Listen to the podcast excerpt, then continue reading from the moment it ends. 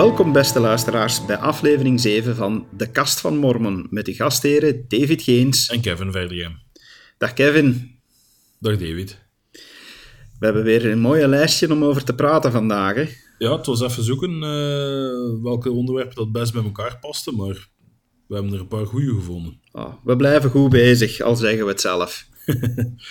zeg Kevin, wat ben je daar nu aan het drinken? Iets zonder cafeïne? Ja, dit is inderdaad zonder cafeïne. Um, Waarom? Voor mij persoonlijk is het meer een medische reden. Als ik te veel cafeïne binnenkrijg, dan reageert niet goed met mij. Ja, uh, laten we dat dan maar alleszins hier niet vanavond gaan uitproberen. Maar um, nee, alle gekheid op een stokje. Cafeïne is een onderwerp waar wel eens vaak wordt over gesproken onder mormonen. Is het nu toegelaten of is het nu niet toegelaten? Van... Ja, de discussies laaien soms hoog op. Ik kan me levendige discussies herinneren waar dat ik... Um, ja, waar dat de ene broeder zei van nee, dat mag absoluut niet. En de andere broeder die zei van ja, dat, dat, er staat niks over in de schriften. Dus ja, voer voor discussie.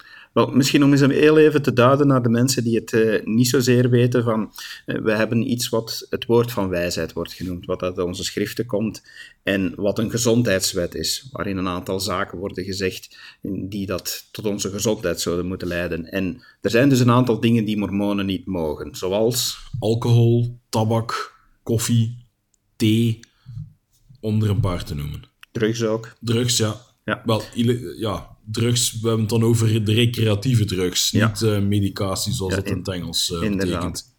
Nee, maar het is dus zo, ja, mormonen, wij zijn gekend voor, uh, voor ja, eh, vaak wordt er toch gezegd van oeh, je mag geen koffie drinken, oeh, je mag geen alcohol drinken en dergelijke meer. Dus daar zijn we wel een beetje gekend voor. Maar dus begint die discussie altijd over cafeïne, van waarom geen koffie, is het omwille van de cafeïne en dergelijke meer. En het is een discussie die ook enorm leeft onder mormonen, van mag cafeïne nu wel of niet? Van, persoonlijk, ik heb zoiets van, ik ga het zoveel mogelijk vermijden. Ja, dat is voor mij ook. Ik vermijd het zoveel mogelijk. Wat niet wil zeggen dat als ik de keuze niet heb om een niet, uh, om een, om een uh, niet houdende drank te drinken, dan zal ik wel iets met cafeïne drinken. Maar ik probeer het te vermijden.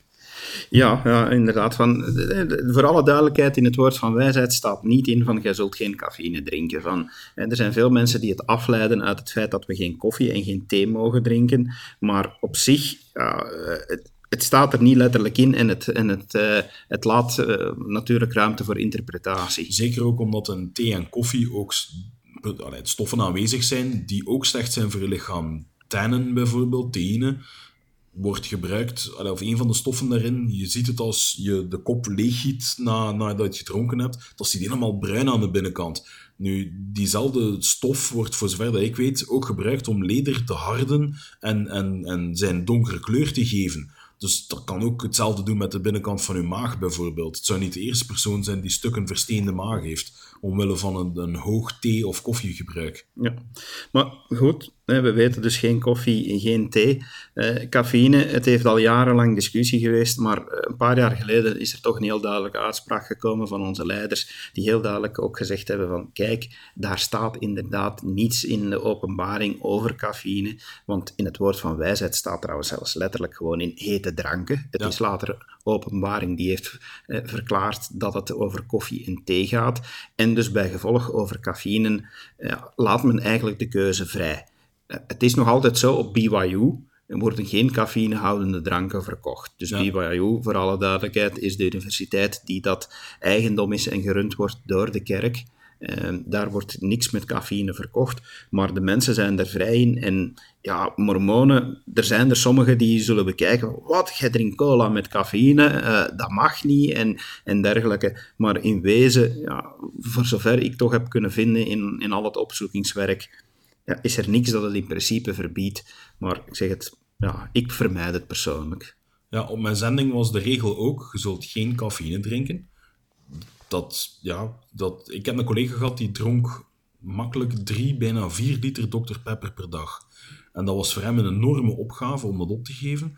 En het feit alleen al dat je er zo enorme ontwenningsverschijnselen van hebt als je niet drinkt, denk ik dat als je kijkt naar die geest van het woord van wijsheid, waarin je je lichaam gezond wilt houden, dat, dat het echt iets is dat je met mate moet gebruiken of tot u nemen, Het kan heel goed zijn voor iemand die bijvoorbeeld een nachtelijke rit naar huis moet en probeert wakker te blijven. Dan kan het inbeelden als je een cola met een beetje suiker, wat cafeïne in, dat u dat helpt om wakker te blijven en niet in slaap valt achter het stuur, dat dat verstandig is. Maar het is zeker niet verstandig, lijkt mij, om heel de dagen vijf, zes blikken gewone cola te drinken, want ja, dat, dat, dat uh, kon u geen merken viseren, maar er zijn nog andere dranken die, uh, die cafeïne hebben. Hè. Ja, het is zoals je zegt, je merkt recht op van het gaat er niet alleen over die cafeïne, het gaat om over met mate.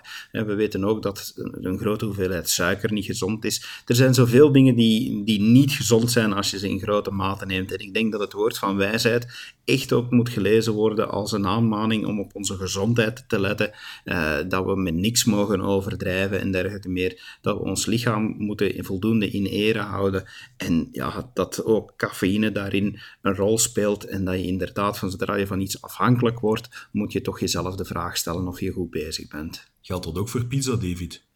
Ik hoop van niet, maar ik eet iedere keer een andere pizza voor de zekerheid. nu we dan toch over eten bezig zijn, we zitten midden in uh, de week die in, in, België toch alleszins gekend is als een vakantieweek, de krokusvakantie. Een vakantie die iedereen uh, toch ook wel nog associeert met carnaval. Aalst, eh, een grote carnavalstad en dergelijke meer, waar dat je ja, de meest gekke dingen dan tegenkomt en dergelijke meer. Maar ik vind het eens mooi om blijven stil te staan. Weet jij van waar carnaval, van waar het gebruik uiteindelijk komt? Was het niet het vieren van het begin van de vasten? Waar dat je zegt van, we gaan nog voor de vasten begint nog eens uitbundig feesten, om dan te gaan zeggen van, en nu gaan we vasten, nu gaan we het sober houden, maar eerst toch nog eens uitbundig ja, ja, vieren. Ja, inderdaad, dat, dat is het uiteindelijk. In tegenstelling tot wat we daarnet zeiden van met mate, is dat eigenlijk ja, een gebruik om eens niet met mate uh, bezig te zijn. Ja, wel heel veel met maten, maar dan niet in mate bezig te zijn. Maar uh, het komt dus inderdaad uit een gebruik dat voornamelijk uit de katholieke wereld komt. Van, zij kennen het vasten als zijn een periode van 40 dagen in aanloop naar Pasen. Dat er bepaalde regels worden in acht genomen van wat men eet en wat men niet eet. En probeert daar toch uh, heel duidelijk een versterving te doen en men gaat dingen laten uh, en dergelijke meer. Nu, bij mormonen zit het anders van, uh, wij kunnen gerust carnaval mee gaan vieren en dergelijke meer, maar het is niet dat wij een periode van 40 dagen vasten hebben. Van, wij vasten eigenlijk heel het jaar door. Waarom zijn we dan toch niet zo graadmager, Kevin? Waarschijnlijk omdat, we, omdat de gemiddelde mormoon het één keer per maand doet. Um, we hebben daar een, een, een eh, openbaring van. Het is een gebod om regelmatig te vasten. In wezen is het het u ontzeggen van, zoals wij het naleven, het u ontzeggen van eten en drinken voor een periode van 24 uur. Wat wil zeggen dat als je s'avonds om 5 uur bijvoorbeeld je avondeten eet, dat je pas zanderendaags opnieuw begint te eten bij het avondeten dat je dus in principe twee maaltijden overslaat. Ja, inderdaad. Het is dus een gebruik om, uh, of, een, gebod zelfs, om iedere eerste zondag van de maand uh, te vasten. Um, sommigen kiezen er natuurlijk een beetje afhankelijk voor, omdat al, en omwille van praktische zaken, om dat de zaterdag te laten ingaan of dergelijke. Of soms zijn er ook redenen waarom dat je het zelfs niet dat eerste weekend doet. Um, maar er wordt ons toch gevraagd van één maal per maand te vasten, omdat het ons wel eens terugzet met onze beide voeten op de grond van, van ja, hoe geweldig het is dat we, dat we voedsel hebben, dat we drinken hebben en dat we eens op zulk moment kunnen stilstaan hoe we ons voelen als we dat niet hebben. Het is ook een moment dat ons uh, er zou moeten toe leiden om, om spiritueel iets meer bezig te zijn, om, om veel dichter bij God proberen te komen. Inderdaad, want vasten betekent inderdaad veel meer dan enkel het praktische, het niet eten, niet drinken. Het is inderdaad de bedoeling dat we meer onze geest laten gefocust zijn op het geestelijke. Ja, inderdaad. Van. En pas op, het is niet makkelijk. Hè? Ik moet daar eerlijk over toegeven. Het kost mij iedere keer veel moeite. Dat is die laatste uren. Dat, dat is echt van, jongens, mijn mond plakt aan elkaar. Ik wil iets drinken. Ik begin vaak zelfs hoofdpijn te krijgen en dergelijke. Van, uh, ja, ik moet soms zelfs ook opletten en dergelijke meer. Maar dat brengt me er ook toe, eh, omdat ik zou niet willen dat sommige mensen zouden verkeerd oordelen over mormonen die niet vasten. Want ook daar vind ik dat er onze leiders toch weer, weer heel duidelijk zijn en zeggen van kijk, wij roepen op om te vasten, het is een gebod, maar er zijn uitzonderingen. Ja, er zijn uitzonderingen. Zwangere vrouwen bijvoorbeeld. Kleine kinderen worden gevraagd om niet te vasten. Ook zieke mensen, want die hebben een kracht nodig. Dan is het ook niet verstandig om te vasten. Dat wil erom niet zeggen dat zij niet van de zegeningen kunnen genieten van vasten, want bij ons in de kerk hangt ook een heel mooi gebruik vast aan het vasten. En dat is onlosmakelijk. En dat is de vastengave. Waar je dus de... Er wordt gevraagd om um, hoe zeg je dat, gul te zijn met je vaste gave. Dat je niet op de cent gaat zitten rekenen, maar in principe komt het erop neer dat je de uh, kost van het eten en het drinken, dat je die dag niet nuttigt, dat je dat afstaat aan het vaste gavenfonds van de kerk, dat gebruikt wordt om mensen te helpen uh, die hulpbehoevend zijn. Ja, en dat is dan ook weer het prachtige eraan, vind ik. Hè? Van, van op het moment dat je vast, kan je erbij stilstaan van, kijk, datgene wat ik hier nu uit mijn mond uitspaar, daar gaat onze kerk fantastische dingen mee doen. Daar worden mensen geholpen, soms heel nabij, mensen uit onze, uit onze eigen gemeente of, of wijk, maar, maar ook wereldwijd wordt het gebruikt, bij rampen en dergelijke meer. Ik, ik vind het op zich een fantastisch principe dat men zegt van kijk, we gaan vasten om eens doen stil te staan bij wat wij hebben en anderen niet. En tegelijk dat we dan ook geven aan die anderen die minder of die zelfs niets hebben. Ja. En om terug te komen op de mensen die niet kunnen vasten, zij kunnen wel van dezelfde zegeningen genieten wanneer zij ten eerste het verlangen hebben om te vasten en ten tweede toch ook die vaste gave te betalen. Opnieuw, dat draait niet om het geld. Het gaat erom dat je je hemelse vader ten eerste gehoorzaamt en ten tweede dat je ook mee instaat voor de zorg van uw naaste. Ja, nu, ja, het is daarmee ook, het is, het is wederom geen zwart-wit gebod, hè, want ik heb er ook al met, met een aantal leiders over gesproken en dergelijke. Van, men zegt ook altijd, ja, je moet zelf kijken naar je gezondheid toe en dergelijke. Het mag er nooit toe leiden dat je je gezondheid ondermijnt. Hè. Bijvoorbeeld iemand die s morgens medicijnen moet innemen en die medicijnen mogen niet op een nuchtere maag ingenomen worden. Ja, eet dan iets, maar ga dan kijken. Daarmee het is ook niet zwart-wit. Dan moet je ook niet zelf gaan denken van, ah, ja, ik heb nu om medische redenen toch één boterhammetje mogen eten, dus ik ben niet aan het vasten. Ja, ik laat het maar helemaal vallen. Het is in die zin, ja, ik, ik denk dan toch, van, ook daar praat ik weer uit persoonlijke ervaring van, dat je op zulk moment toch zegt van, kijk, wat kan ik vandaag toch doen om samen met mijn broeders en zusters mee in de geest van dat vasten te zitten. Wel, een van de dingen die we zeker zouden kunnen doen, is bidden. Is een keer echt bewust gaan bidden en daar de tijd een keer voor nemen. Want hoe dikwijls zeggen we niet een gejaagd gebed? Dat we echt zeggen van, goh, uh, we, moeten snel ergens naartoe. We zeggen, stap rap nog een gebedje voordat we uh, verder gaan met onze reis. Of je zegt van, ja, ik heb heel grote honger, ik wil nu eten. Ik zeg een schietgebedje bij wijze van spreken, om in ons vader snel te danken en te vragen om eten te zegenen. En kous af. Maar ik denk dat als we vasten, dat we echt eens de tijd mogen nemen om een bezinningsmoment te hebben, te mediteren bijna en echt eens met onze Hemelse Vader in gesprek te gaan. Ja. En dan komen we eigenlijk op het, op het volgende topic dat ik uh, eens met jou wou hebben, is, is inderdaad over bidden, over die communicatie met, met God en met, uh, met onze Hemelse Vader.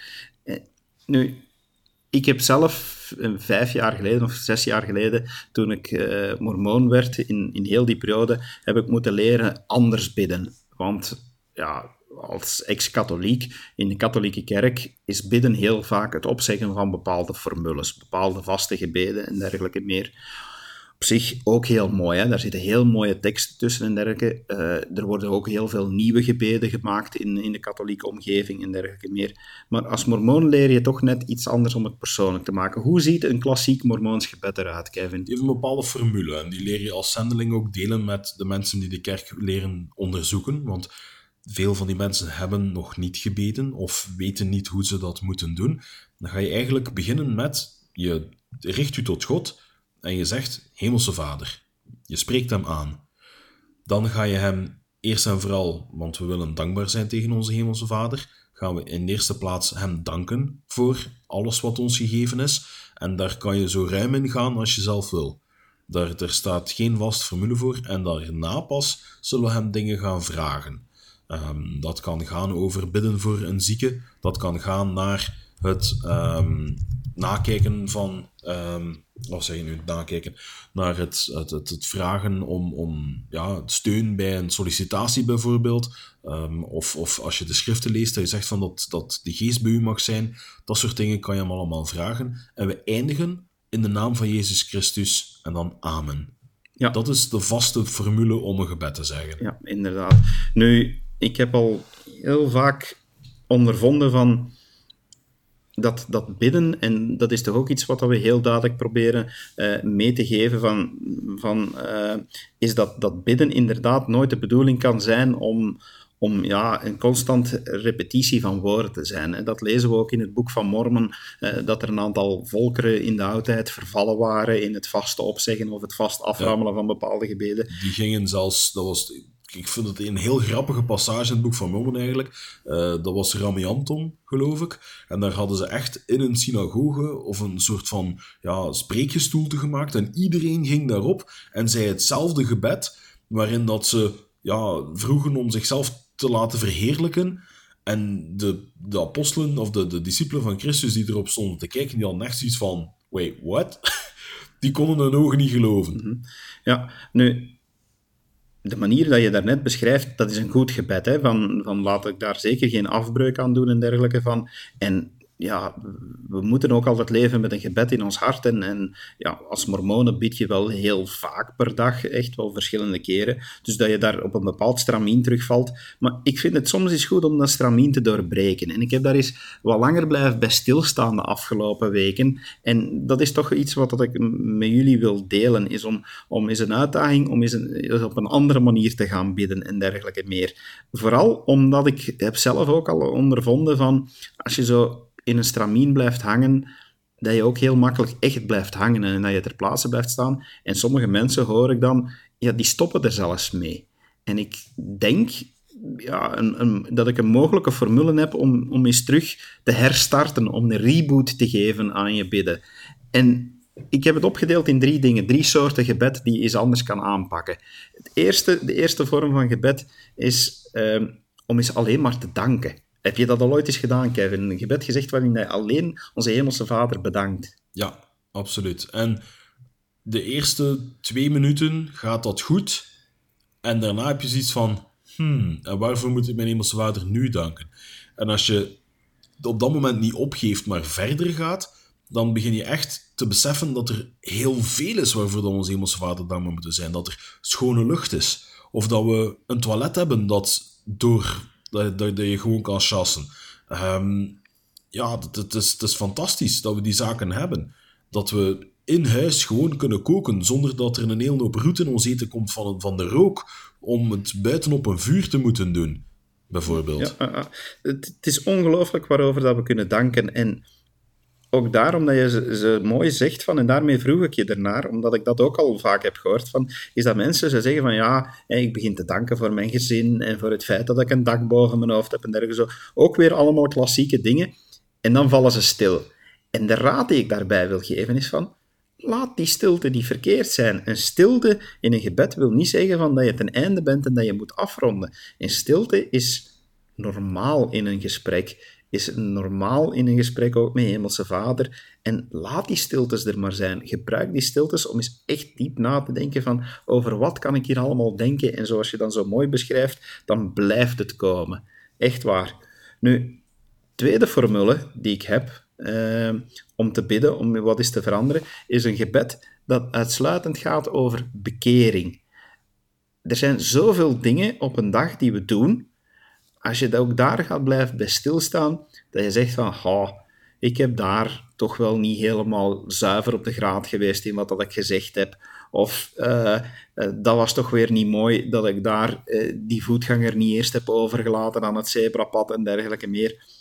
Echt is de uitdaging aangaan om alleen maar uw foutjes. En ik heb het dan niet over, over zonden en dergelijke, want veel van die dingen die vallen niet echt onder die zware categorie van zonde. Maar om eens gewoon daar blijven bij stil te staan van waar heb ik nu eigenlijk spijt van en wat ga ik morgen proberen beter te doen? Bijvoorbeeld, hoe kan ik meer christelijk zijn? Of wat heb ik eigenlijk gedaan waardoor dat ik niet zoals Christus was? Waar heb ik ja, bijvoorbeeld, zoals je zelf zegt, onhoffelijk geweest in het verkeer. Zou Christus ook iemand de pas afsnijden? Of zou hij zo zijn vuist zwaaien naar iemand die voor hem rijdt uh, en nogal traag bijvoorbeeld, om er iets te zeggen? Ja, ja, of bijvoorbeeld van, was dat nu echt nodig dat ik dat jong gastje ben uh, uh, gaan voorbijsteken vlak na het rode licht met mijn Tesla? Uh, dat zijn zo van die zaken van, ja, ja, ja, we doen die wel, maar we zouden die allemaal achter ons moeten kunnen als laten. Als die een auto verlaagd is, als er van die fake tattoo-stickers ophangen, als er een uitlaat op zit die de auto niet sneller maakt, maar wel hoorbaar van drie blokken ver, dan vind ik toch ergens gejustificeerd dat je die in het spreekwoordelijk stof laat ja, wettelijk gezien kunnen we wel spreken van uitlokking, maar ik heb het nog nergens niet tegengekomen in de Bijbel dat uitlokking als excuus mag gebruikt worden. Dat is waar. Goed, dus dat eigenlijk om nog eens te herhalen van, ik, ik zou willen de uitdaging geven van aan iedereen om eens, als je vindt van jezelf van hé, mijn bidden is eigenlijk een automatisme geworden, van gooi het eens om door deze uh, formules te gaan gebruiken, maar vul er dan nog eentje aan. Ik heb er, ik heb er nog eentje bij die dat, uh, die dat misschien minder uh, voorkomt, maar die ook heel mooi is. Uh, zoals je daarnet zei, Kevin, traditioneel het laatste deel van ons gebed vragen wij aan onze Hemelse Vader voor zegeningen, wat hij voor ons kan doen, ook wat hij voor anderen kan doen en dergelijke meer. Wel, ik heb eens de uitdaging van, maak eens je gebed uitsluitend omtrent de vraag van, Hemelse Vader, wat kan ik voor u doen? Dat is mooi. Dat is mooi. Daar had ik nog niet eerder bij stilgestaan. Dat vind ik een mooi.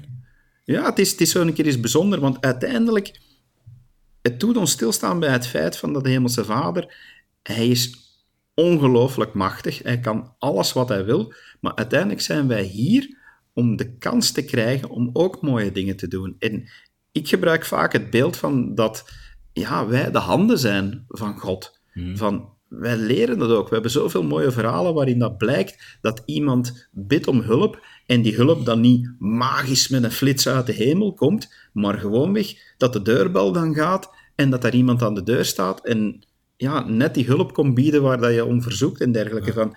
En dat is het net van, vraag er is uitdrukkelijk om, om de handen van God te mogen zijn. Niet van, eh, van, God, wat kan jij voor mij doen? Maar echt de vraag, God, wat kan ik voor jou doen en hoe ga jij me vandaag gebruiken? Ja, heel mooi. Want je zei er net, God kan alles doen wat hij wil. Dat is niet helemaal waar. Want God kan niet onze vrije keuze afnemen en ons dwingen om iets te doen. En dat is juist het mooie. Het enige dat we echt God kunnen geven, is onze vrije keuze. Wij kunnen zeggen van kijk, ik ga mijn hoesting even opzij zetten en heer, ik ga uw wil doen. Dat is echt het enige dat zuiver van ons is, dat God ons niet kan afpakken, want hij moet voor iedereen gelijk zetten voor de wet, dus iedereen heeft zijn vrije keuze. Het moet wel, hè? Inderdaad, heel mooi gezegd.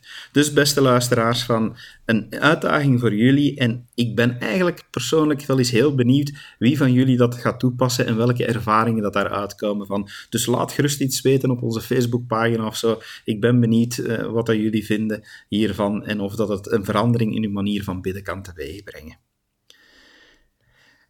We hebben nog leuk nieuws, Kevin. Ja. ZHV bestaat 175 jaar. Hoera, hoera. Maar wat is de ZHV? De ZHV staat voor de Zusterhulpvereniging, of in het Engels de Relief Society. Dat is een vrouwenorganisatie die, voor zover ik weet, de langst bestaande, of nog steeds bestaande, uh, vrouwenorganisatie ter wereld is. En ja. ook zo wijd en breed en wijd verspreid.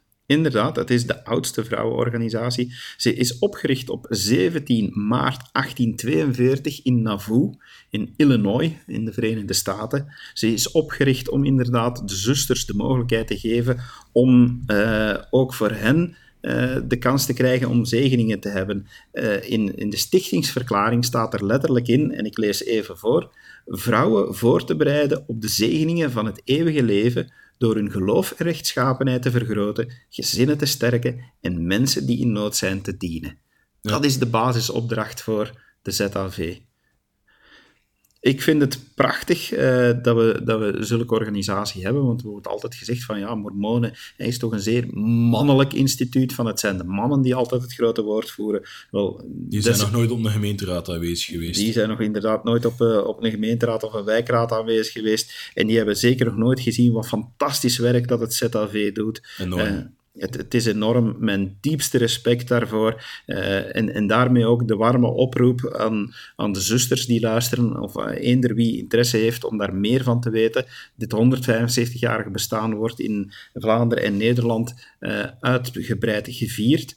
Op 18 maart is dat. Uh, van 13 tot 17 uur in de kerk in Zoetermeer. En iedereen is daar van harte welkom om de ZAV te leren kennen, om blijven stil te staan, wat het doel is van die organisatie en dergelijke meer. Dus uh, gewoonweg allemaal daar naartoe. En het thema dit jaar is ook fantastisch gekozen om dit te vieren. Een hart als het zijne. Heel mooi. Maar nu we het toch over de ZAV hebben, jij hebt iets van een boek dat daar ook mee te maken heeft met de zusters in onze kerk. Het boek heet At the Pulpit, uh, wat betekent aan het spreekgestoelte. En um, er zijn kerkhistorici, uh, Jennifer Reeder en Kate Holbrook, en die hebben um, van 185 jaar van uh, ja, spreekmomenten, toespraken, van Zusters van de Kerk, hebben zij een boek gemaakt met 54 van die toespraken in. En het gaat echt van, het gaat heel ver. Het is vanaf 1831 tot 2016, zo vroeg als Emma Smith of Lucy Mac Smith, uh, wanneer zij de heiligen van Colesville, New York, naar Kirtland, Ohio gebracht heeft, of Elizabeth Ann Whitney in Kirtland, en Eliza R. Snow, die doorheen het hele uh, gebied van Utah gereisd heeft deze vrouwen hadden echt iets te zeggen. En het is heel fijn om te zien dat die, die boodschappen, die ja, in, het, in, het, eh, in het oog van de geschiedenis of, of in het verstand van het geschiedenis, echt naar achter geschoven geweest zijn. Terwijl dat die woorden, net zoals de schriften ook al heel oud zijn, best nog altijd betekenis hebben en nog altijd van toepassing zijn. Zijn het dan alleen maar oude toespraken, Kevin? Nee, ze gaan per um, decennium worden er eigenlijk twee toespraken geselecteerd. Dus als ik het goed gelezen heb. Dus ze gaan, ja, het gaat echt ja, tot 2016. Het zijn niet alleen oude toespraken. Er zijn ook moderne toespraken bij van, van zusters van nu. Ik vind het wederom een fantastisch voorbeeld uh, om, om eens de kritiek die we, die we soms krijgen van uh, dat onze kerk, dat het altijd de mannen zijn die aan het woord zijn. Ja, sorry, dan moet je dit boek maar lezen, dan moet je ook maar eens aanwezig zijn of via het internet meekijken naar onze algemene conferenties. Uh, de vrouwen in onze kerk, of, of komen op een zondag is gewoon naar de kerk. die, er is gewoonweg zoveel te leren van onze zusters. Ze hebben zo'n fijne kijk op heel veel dingen. Um, en ze hebben evenveel recht van spreken. Ik vind soms zelfs meer recht van spreken dan wij als mannen, omdat ze uh, zo dat zorgzamen in hebben, dat ze zich ook vanuit de ZAV zo in, inzetten en dergelijke meer. En ik hoop echt dat, uh, dat dit een, een aangenaam boek kan zijn voor heel veel mensen die zich eens willen verdiepen in wat vrouwen in de kerk uh, zoal aan fantastische boodschappen hebben meegegeven. Van, Absoluut. is het trouwens al vertaald, Kevin? Dat weet ik niet. Ik dacht het niet.